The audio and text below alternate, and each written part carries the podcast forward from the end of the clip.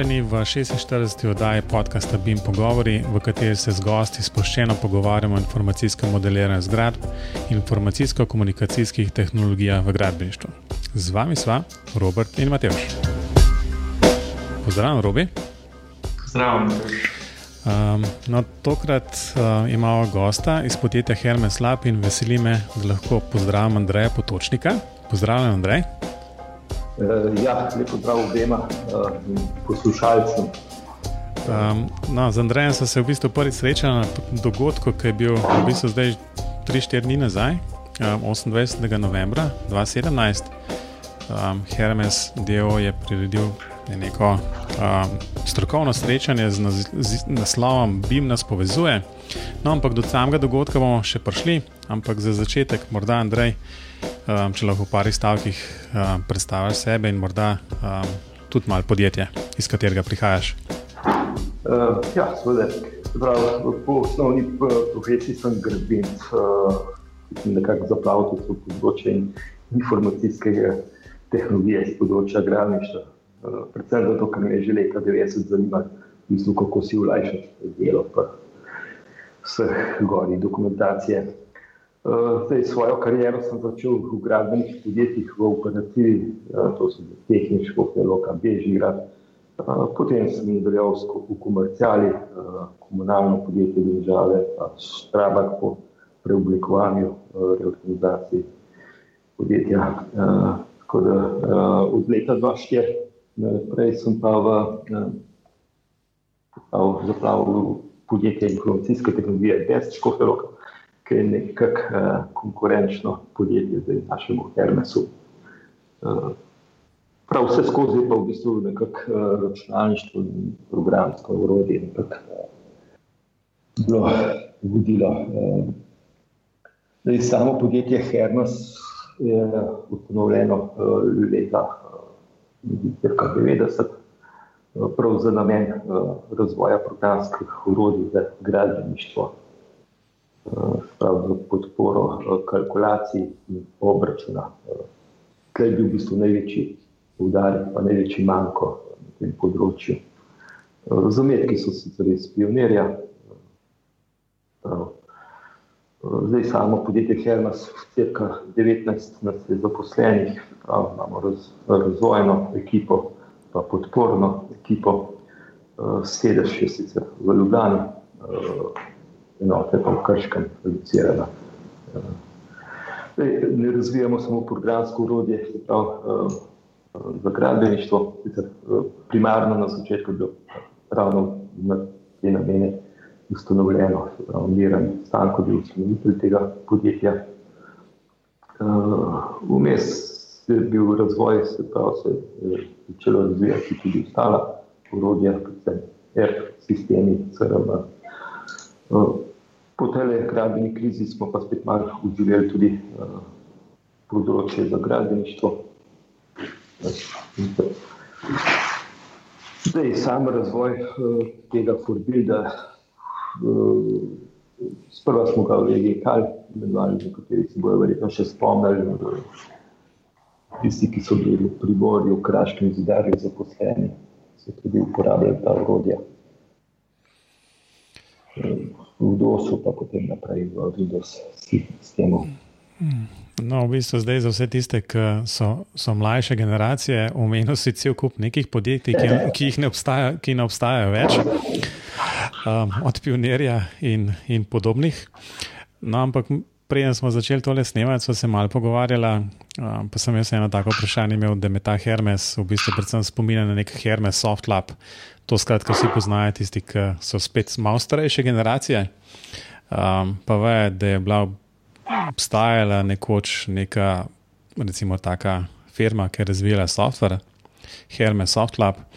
Um, pa so jih sicer kupili, oziroma ja, kupili jih je Contron. Um, je to kakršno koli povezava s tistim Hermesom ali ne? Ne, ime je pač zgolj slučaj.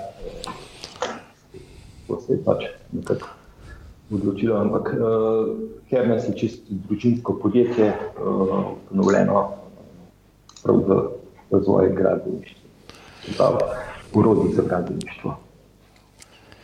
Zanimivo, da mi je Matejš v bistvu vprašanje z jezika vzel. Um, ampak drugo, kar sem pa imel vprašanje, pa to, da ko sem se pripravljal na tale pogovor, sem pač brsko po vseh teh spletnih straneh povezanih z Hernesom in Forbuildom. Um, pa smo opazili, da je en kup domen, pa tako naprej. Ali je kakšen poseben razlog za to, da se to tako razdrobil, a dejansko vsak od, vsakega od svojih uh, produktov tržite na poseben način, kaj je zgodba za tem?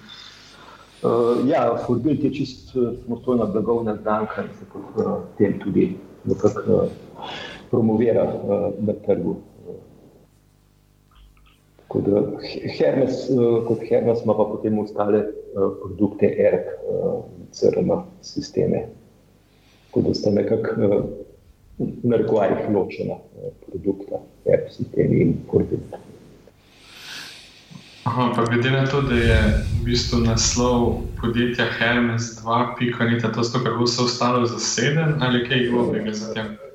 Verjeten, zato ker je verjeten bil Hermes kot tak, kot v tistih letih že rezervirana. Um, no, v bistvu mislim, da smo že zajadrali v, v tisti, recimo, en tak glavni del, um, ta for-build produkt. Um, na kratko si ga s kolegom predstavil na, na tistem srečanju. Uh, morda lahko spet um, povzameš tisto, kar si povedal tam, in nekako predstaviš tistim, ki tega produkta ne poznajo, čemu je sploh namenjen, kaj sploh ta zadeva omogoča? Uh, se pravi, Forbuild je uh, programska rešitev za uh, spremljanje gradbenih projektov na področju gradbeništva. Se pravi, zajema v bistvu od kalkulacijskih osnov, samih kalkulacij.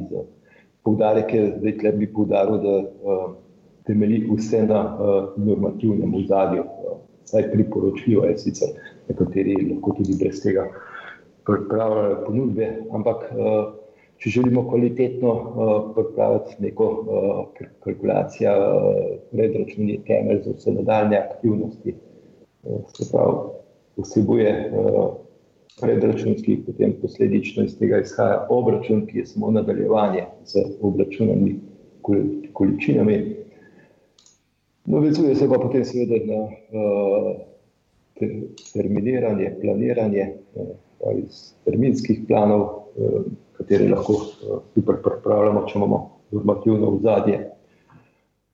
Uh, potem tenderi uh, za delo za uh, nekakšne uh, podizvajalci in vključevanje njihovih ponudb v sistem.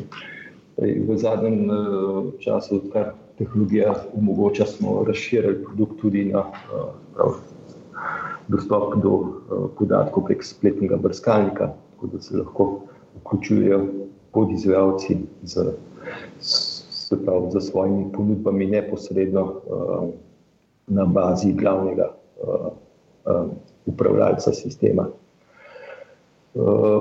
Zdaj, samo BIM tehnologijo smo že Še kar nekaj časa razmišljamo o tem, se pravi, res dejansko smo pa cirka dve leti nazaj, kar se je začel tudi uh, razvoj. Nekaj smo še sicer ta, uh, katera pot je prava, za vključitev grafičnih prikazov, urodij v Sanford Build. Uh, tako da na zadnje smo se nekako odločili, da je IFC tista uh, nekako. Uh, usredna datoteka, ki jo preberemo in odkrivamo z vsemi podatki, ki so potrebni za ponudbo, obračun, planiranje. No, to se pa meni zdi super istočnica, če lahko malo skočim. Um, in sicer ne tako dolgo nazaj smo imeli tukaj drugi Bimotlon, na fakulteti za gradništvo in geodezijo v okviru konference CIPIN 2017 in je imela ena od skupin precej težav z IFC-jem in ponudbo, mislim, in pripravo, potem popisom in tako naprej. mislim, da je uporabljalo prav vaše urodje. Ampak ni pa težava v vašem urodju, ampak je pa težava z neko verzijo enega programa, ki ne bom zdaj niti rekel, kateri je bil, ker ne vem čisto natančno. Ne. Pa me zanima, koliko imate težav z IFC-jem kot tem podpornim formatom vaših urodij, ki niso v vaših rokah. Uh, ja, eh, se pravi, zdaj pretestirali smo se pravi Allplan, Arhiket, Revit, eh, te uh, najbolj popularna urodja. Uh, zadnje verzije so, uh, pravi, pri zadnjih verzijah ni težav, pravi, če izvažamo iz teh produktov. Uh, kar se pa tiče uh, nizkogradniških uh, produktov, se pravi, Plateja, Urbano, Civil 3D. Uh, zdaj, za Civil 3D niti nismo še testirali.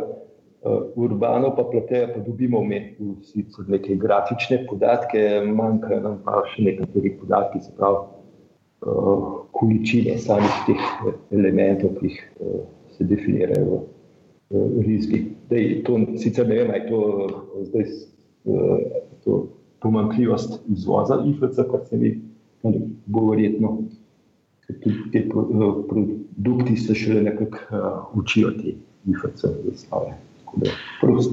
Ja. Ne, vse konkretno, ta, ta problem, ki se ga imeli, z najnovejšo verzijo Allplana, pa je v bistvu niti ne vem, ali krivde na strani tekmovalcev ali kaj je bilo, ampak dejansko so imeli težave, ker, ker jim ni izvozen, ali ne vem, kako koli. Znanje je tisti problem. Uh, ekipa je v bistvu v ponedeljek, uh, da je bilo pa tekmovanje torek ali sredo. Torek, torek. Se pravi, v ponedeljek so si namestili program. In za vsako urodje je pač potrebno neko, neko obdobje ki, za implementacijo, pravi, da ga uporabnik priuči. Ne, vse vprašanje je bolj v tej smeri, ker vsi vemo, da, da pač so določene težave z IFC-em, ampak ne, ne samo IFC-em, ampak s tem, kako ga imajo programi implementiranega. Uh, in, in vse mi so bolj pač zanimive izkušnje s tem, kako se spopadate z težavami, ki v bistvu nimajo nobene veze z vami, ampak verjetno vaši uporabniki pa pričakujejo, da jih boste pomagali rešiti. No? Mogoče sem zdaj bolj natančno vprašal. Uh, ja, seveda, se to je na meni. V bistvu. uh, sam ta bil tudi še čisto v fazi razvoja. Uh, tako da se tudi, mi uh, učimo, v bistvu. Uh, napakah ali pa težavah uporabnikov. Eh, tudi tole, se pravi, na tem Bimarklonu smo kar nekaj uh, uradnih informacij uh, dobili. Uh, se pravi, uh, zmeraj je nek problem, neke podatke moramo prebrati, jih uh, interpretirati in jih nadgraditi. Zdaj, je pa seveda, tehnične uvere so še zmeraj. Uh, teh zadevah. Tako da ena je naša zbrenji. No, to, če, če nadaljujem to zgodbo okoli ja. FCC, v bistvu imam sam še eno recimo, tehnično vprašanje. Zdaj ne vem, če boš uh, vedel odgovor točno na to, ne?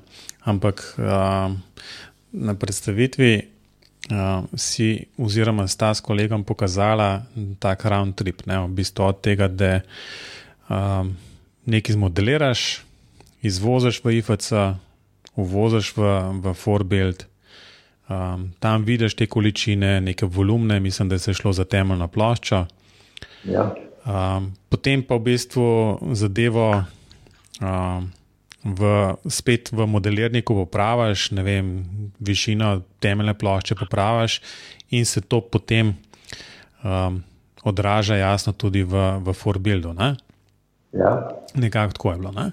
Zdaj predvidevam, da moraš spet iz modelirnika izvoziti tisti FC, ga uvoziti in zdaj Forbuild nekako čudežno ve, um, kako, kjer, kjer element se zdaj popravlja, oziroma kateri elementi so se popravili. Ja, Zaenkrat je taka rešitev, sčasoma uh, bo mogoče kakšen plugin, recimo v Arhikedu ali pa v Oilplanu, da se modejno to. Uh, Ja, se ne, se v bistvu sama rešitev meni, men je, mislim, je v redu. Ne, se konc koncev ni nujno, da je ta rešitev, mislim, da je ta povezava, vem, tako avtomatična in direktna, ker običajno tudi eh, isti ljudje ne delajo in ne, ne modelirajo in ne polne pripravljajo kalkulacij, pa popisov. Um, ampak bolj me zanima to, ne, ker tam, tam v proizvodih v IFC obstaja tisti neki famozni uh, globalni ID. Ne, Ja. um, ki se pa lahko načeloma spremenjajo pri izvozih. Zaprav, ko dvakrat izvoziš, ni nujno, da dobiš iste ID-je za iste elemente. Um, ali to pomeni, da, mora, da, da je treba paziti pač pri teh modelirnikih, da se nastavi, da se te ID ohranjajo, um, ali O. kaj podobnega? Ne, kot smo predstavili, v bistvu ni ne, bolje se pravi, zmeraj je. Uh, IFC se začne, se pravi, katera datoteka je, kateri atributi, se pravi, nekako tako uh, strukturo. Uh, uh, sicer to bi bolj podrobno lahko naši informatiki razložili, pa Ivi Čakš, ki je vodja projekta. Ampak zaenkrat se pravi, v bistvu je, da je ime uh, datoteke identično, ker uh, v IFC je tudi ime datoteke zapisano, da se tega potem preberejo. Uh, se pravi, forbilci pa zapomne, se pravi, vse elemente. Se pravi, če smo nek atribut povezali v našem sistemu, si zapomni, da na tem atributu pod to številko je uh, ta podatek. Mhm. Uh, Okay. težko, pa, težko pa rečem, uh, kaj še bo. Verjetno bo te še praksa precej pokazala, uh, ko se bodo bolj kompleksni projekti združevali, uh, kako strojne elektroinstalacije v nek uh, skupni IFC. No, okay. V redu. Um, če lahko nadaljujem še z enim vprašanjem. Um, omenil si pač normative, Ja. popisi del in podobne stvari. Slišali smo že večkrat, da je to kar ena taka rana, rak rana trenutnega um, stanja. Bima v Sloveniji, kjer te stvari niso določene, zdaj dobro definirane. Um, kako se pa vi s tem spopadate, oziroma ali je tle kakšna vizija tudi z vaše strani, da se bo to nekako zgodilo, ker predvidevam, da pol mora biti te stvari nekako tudi v Forbuild in podobnih programih implementirane. Uh, ja, seveda. Za sam Forbuild je v bistvu čisto vse. Uporabnici lahko naredijo čisto svojo uh, podatkovno zbirko. Uh, Seveda, uh, če so standardizirane zbirke, je to potem uporab, v bistvu za vse uporabnike, ki na nekem projektu delujejo, zelo poenostavljeno lahko delo. Zdaj, jaz v bistvu na teh popisih, bazah. Sodeloval sem pri obrtni zbornici, ki je leta 2006-2007 izdala uh, se pravi, neke knjige, tako če prek podjetja Best. Uh, ampak uh, sicer nekateri kar aktivno uporabljajo, nekateri manj. Tam je bil problem, ker obrtna zbornica ni bolj aktivno promovirala teh knjig. Zdaj, uh, se pravi, večina jih pa še zmeraj na GIPO-sove norme, nekako se sklicuje. Ampak uh, GIPO-sove norme, to je tabelarač sistem, ki uh, ga zelo težko potem uporabljamo.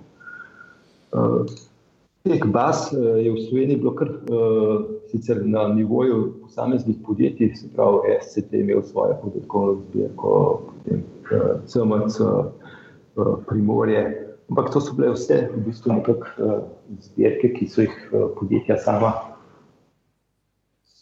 sama kreirala. Tako da je kar bistvena škoda, v bistvu, da se niso nekako te ohranile. Uh, ker za Forbil sam kot tak je pa vse, ali uporabljamo avstrijske, nemške uh, popise normative ali slovenske. Uh, tako da mi v bistvu uh, v svojem portfelju imamo uh, prav od te obrtne zbornice, kot sem že omenil, popise z normativi, potem od diskogradniška DRSI je objavila 27 prav neke standardizirane popise, ki se uporabljajo uh, pri projektivi. V ozadju so pa cestna podjetja, kot je bilo še neko združenje cestnih podjetij, so saj prišli do nekih normativov tudi za te popise. Potem so pa zelo uh, žurni tudi strojniki, ki imajo neko svojo strojniško, strojniške popise z normativi, pa je elektro branža.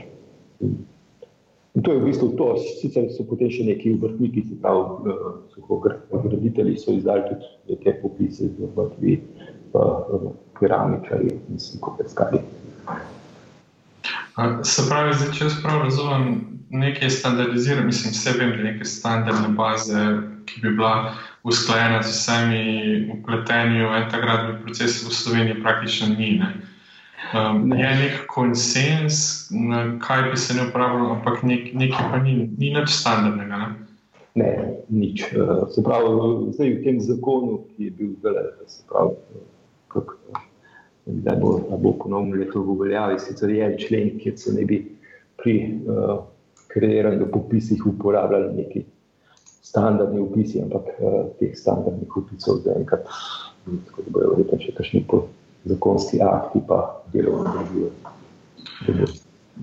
Ampak to Mislim, vse drugo vprašanje je bilo pa to, no, ko bojo omenjeni kupeni podjetji, ki zdaj seveda ni več. Ne, ampak to potem pomeni, da so se vse te zbirke, ki so jih podjetja skozi desetletja gradile, to je za v bistvu vse pač izgubljeno. Ja, več ali manj. Sicer nekateri uporabniki se pravi, še nekako uporabljajo, bolj za interno uporabo, kot pa. Ne. To je več ali manj, je v bistvu res ogromna škoda bila narejena. No, ampak zdaj, če jaz to prav razumem, pa če se, mislim, prav razumem, če prav sklepam, pa tako kot, kot je bilo govora tudi na konferenci Sibim, pa okrog konferenci Sibim, je pa ena zelo velika potreba po eni taki zbirki, ki bi bila usklajena in ki bi bila potem konec koncev tudi primerljiva med posameznimi, posameznimi ponudniki. Tako da mogoče bo to ena niša, kamor bi se lahko vaše podjetje usmerilo. Uh, ja. Um. Dej, eh, temi popisi pa normativi, kar se pravi, je kar precej, v bistvu vsak bi nekako svoje pripravljal. Eh, so bili neki poskusi, ampak ni neke poenotene, se pravi, skupine, ki bi, kako bi temu rekel, vsak ima svoje želje, kako bo prišel do teh popisov, pa jih tržijo potem. Ampak, eh, se pravi, da jih pa mi bi sicer lahko pripravili nek popis, ampak dokler ni to, eh, se pravi, eh, v zadju, da je to država bedi nad temi popisi, se pravi, da so to zdaj nekako priporočeni, še bolj žljivo, če bilo zakon, zakonsko predpisani, to bolj kot ne. Ja, zdaj, verjamem pa, da to, to bi sicer šlo za pač stvari, ki so, kar se tiče javnih naročil, ne? oziroma kjer je, kjer je investitor država. Uh, za vse ostale je pa jasno spet vprašanje. Ja. Uh, jaz bolj pričakujem, da bo šlo trend, uh, se pravi, da bodo začeli tudi dobavitelji nekako pripravljati svoje uh, popise z normativi. Tako se že dogovarjamo s Knaufom, z Vinebergerjem, pa z Xelom. Pravi, da projektanti že uporabljajo dejansko tiste popise, sicer za javna naročila, mora biti se pravi, naziv materijala nekako izpuščen, ampak splošnimi popisi se bo dal. Je pa tako, se pravi, za nas je v bistvu vsem podatkovnih zbirk, bo zbiraj več različnih virov bojo prihajali. Um, v redu, um, predlagam, da gremo um, naprej s Fortbilda. Skratka, tisti občutek, ki sem ga jaz dobil, je, da je stvar zelo zanimiva, um, tudi zelo uporabno deluje. Um, tudi po izkušnjah in pa, pač prezentacijah, ki smo jih videli na strokovnem srečanju, BIM nas povezuje, v bistvu se tega kar veliko uporablja. Tako da že omenili smo že uh, strokovno srečanje ki je bilo 28.11. Um, lahko morda, um, Andrej, v parih stavkih spet recimo, poveš, kako se ti je konec koncev ta dogodek zdel, um, pa morda pač malo po sklopih, kaj se sploh dogajalo. Jaz sem imel pač to priložnost, da sem bil na dopoldanskem delu. Um, do prvega odmora, potem nažalost nisem, moral, nisem imel več časa. Um, pač recimo, če jaz samo za začetek povem, da se mi je zdel v bistvu zelo zanimiv. Uh, tam sem se mislil, da pohecal, da, da se zdaj pač končal, končal tisti jesenski val BIM dogodkov, kjer so si ti razno razni BIM dogodki sledili tako na 14 dni. Um, bili ste očitno v zadnji vrsti, uh, moram pa reči, da, da ste pač bili mačkam drugačni kot, kot ostali. Um, predvsem do sem dobil občutek, no, da ste se bolj kot organizatori bolj naslonili na tisti del um, same. Um, izvedbe, manj pa, manj pa na sam dizajn, oziroma pač tisto samo načrtovanje, recimo na arhitekte in pač tiste, ki, ki, ki imajo v rokah ne, neka, neke BIM modelirnike. Tako da je bilo veliko govora o, o 4D, 5D, BIM-u in podobnih zadevah.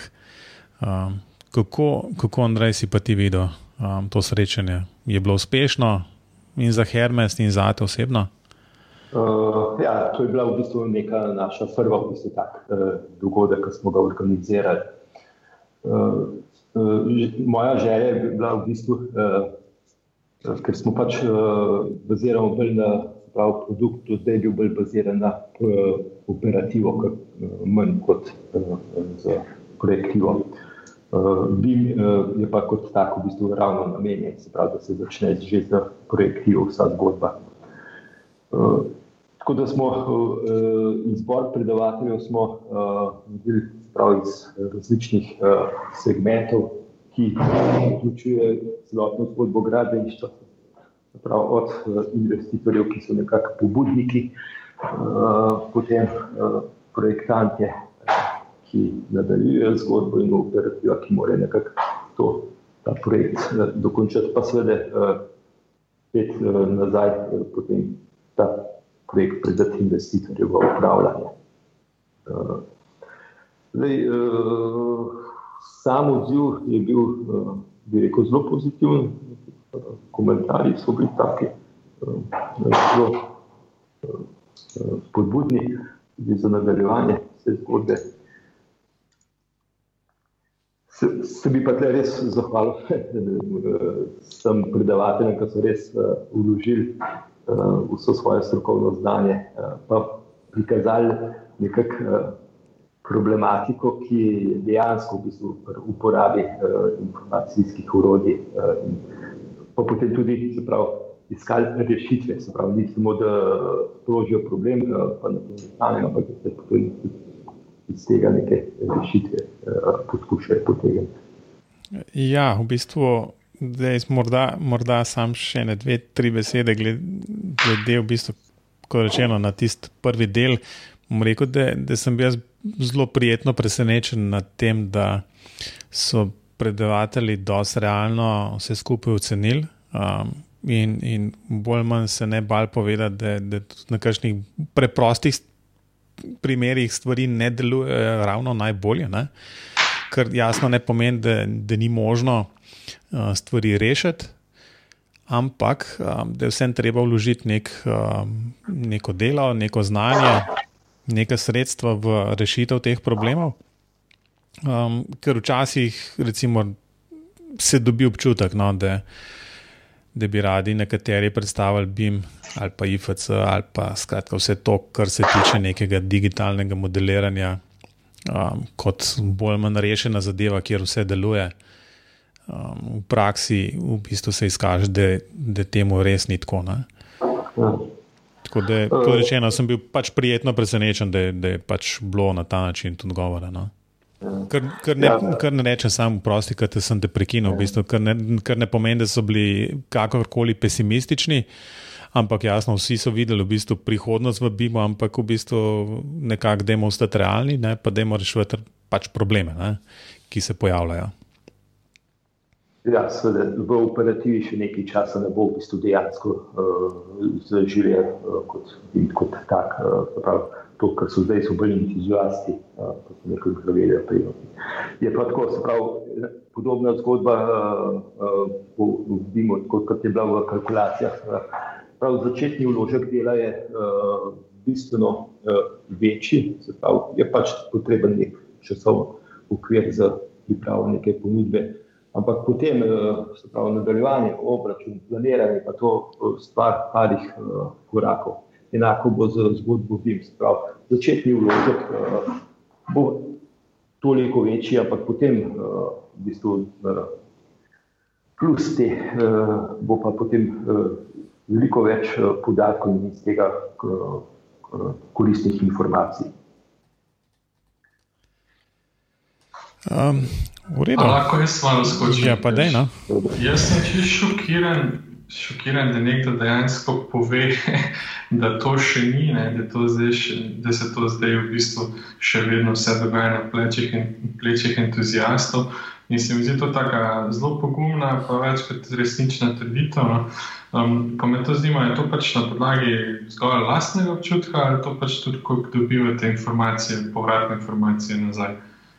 Uh, ne, v bistvu ne samo zgolj, to je čisto informacije z terena. Da, uh, zdaj, uh, v Sloveniji smo mehko, uh, prav, uh, v bistvu nekako bolj konzervativni glede tega.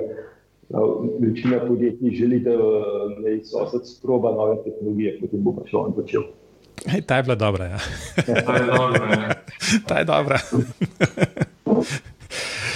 Um, je, no, je, je pa tako, kot sem se pogovarjal tudi na, na tem srečanju. V bistvu ima pa konec koncev Slovenija vse eno veliko prednost in to je, da smo, da smo relativno majhen trg.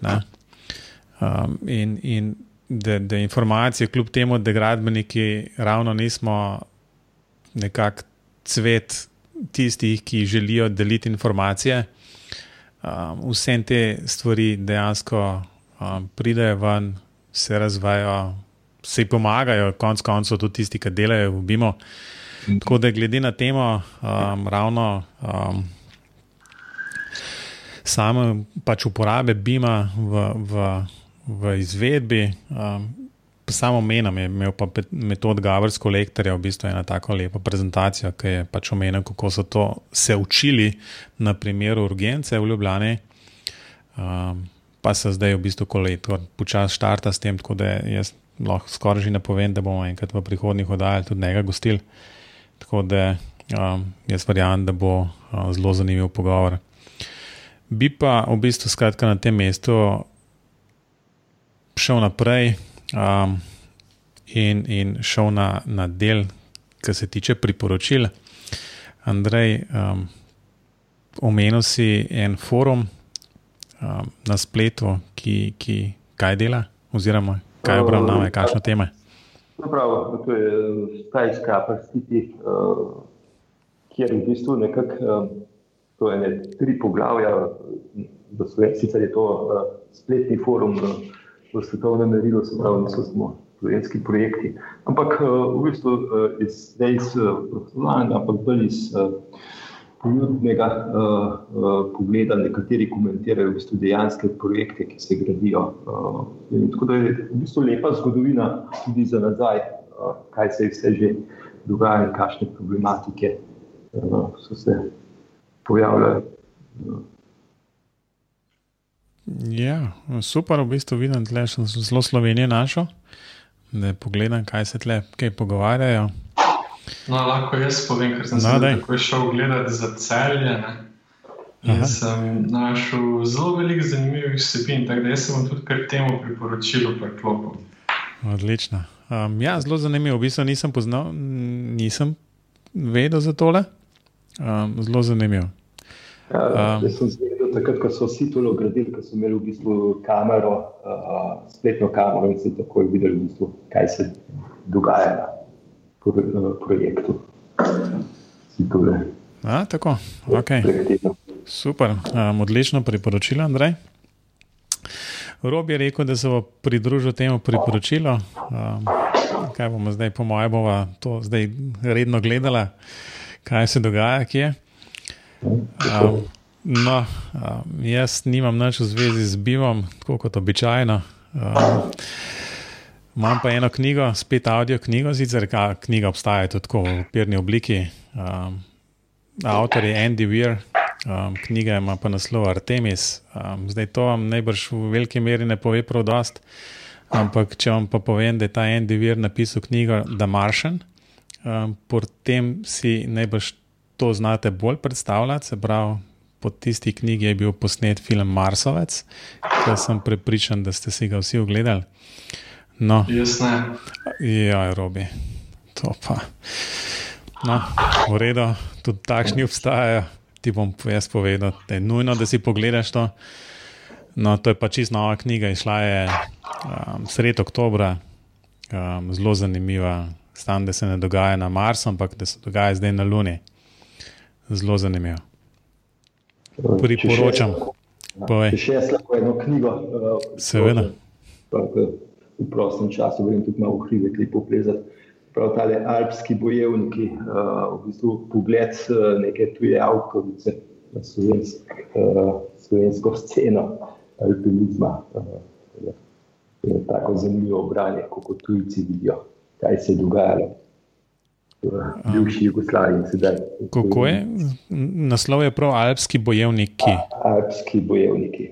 V redu. Evo, Je pa bomo, neka taka zgodovina slovenskih alpinistov uh, upisana skozi učinke tuje avtorice. super. Um, bomo, bomo našli in, in prebrali. Ja, nič, um, to je to, sledi še tisto obvezni del uh, s tremi zelo hitrimi vprašanji. Andrej, prvo vprašanje je, BIM programska oprema, ki jo uporabljaš. Uh, ja, Pri- Priznava tudi Forbuild. Ja, okay. Drugače pa seveda, ar- arhitekt, ker če hočem BIM tehnologijo, moram poznati uh, prav, tudi modelirnike. Arhitekt sicer bolje, pa tudi Olban, Revi, uh, Urban, recimo. Kaj kar arhitekt napišem? Arhitekt, ja. Okay. V redu. Um, potem je naslednje vprašanje, za katerega itek vemo, kaj bo odgovor. Ampak kako razumemo BIM? Ne? A, Vi, vi razumete to kot model kot proces, mogoče kaj čist tretjega. Pač vse to ni napačen odgovor, ampak sam zanima me, kako, se, kako v vašem primeru razumete BIM. Uh, bi se kar za proces odločil. No, prav, v redu. S težkim srcem bom to napisal tukaj. Um, pa pa mislim, da je, če, če je robi ugibal skoraj tega, le lahko skoraj uganem tudi jaz na, na ta zadnje vprašanje, ki se tiče OpenBima. Um, da ne, prihodnost. Um, Ja, bi, želja bi bila, da bi bilo uh, vse od, odprto. Že včasih sem bil precej uh, uh, Linux poskušal uporabljati, ampak uh, zelo bo v prihodnje zaživelo. najbrž lahko kar da napišem. Ne? Ja. Um, z najbrž blagim zadržkom, ker še ne dela vse, ne? ampak dobro, to je vedno takšna zgodba. Ne? Um, nič, mislim, da smo um, pri koncu tega, tega pogovora. Andrej, morda za konec samo še, um, kje te po, poslušalci lahko kontaktirajo, če imajo kakšne dodatne vprašanja, ali pa če konec koncev želijo zvedeti kaj konkretnega uh, o Forbuildu, Ja, Kje te lahko dobijo? Um, elektronsko naslov Andreja, fermec2.net, lahko pošljajo vprašanja. No, super, bomo, bomo tole zapisali. Um, Robi, kaj pa tebe? Mene še vedno lahko najdejo na roberta.klinc.net ali pa pač kjerkoli piše Robert Klinc, pa najverjetneje moj kontakt vam pada. No, um, mene tudi najlažje, kar na, na spletni strani mateždolence.com. Sicer so pa bim pogovori, tako kot vedno na spletu, Facebooku, Twitterju in YouTubu. Tako da zahvaljujem se vsem, v bistvu, ki so se naročili na, na tale podcast. Um, predvsem pa, Andrej, jasno tudi hvala tebi, da si si vzel čas um, za tale krajši pogovor. Tako da jaz upam, da, um, da smo povedali kakšne zanimive stvari. Ja, se lahko še zahvalim vsem tistim poslušalcem, ki so do mene pristopili na vseh teh zadnjih dogodkih, bil dogodkih, ki so jih tudi predstavljali v podkastu.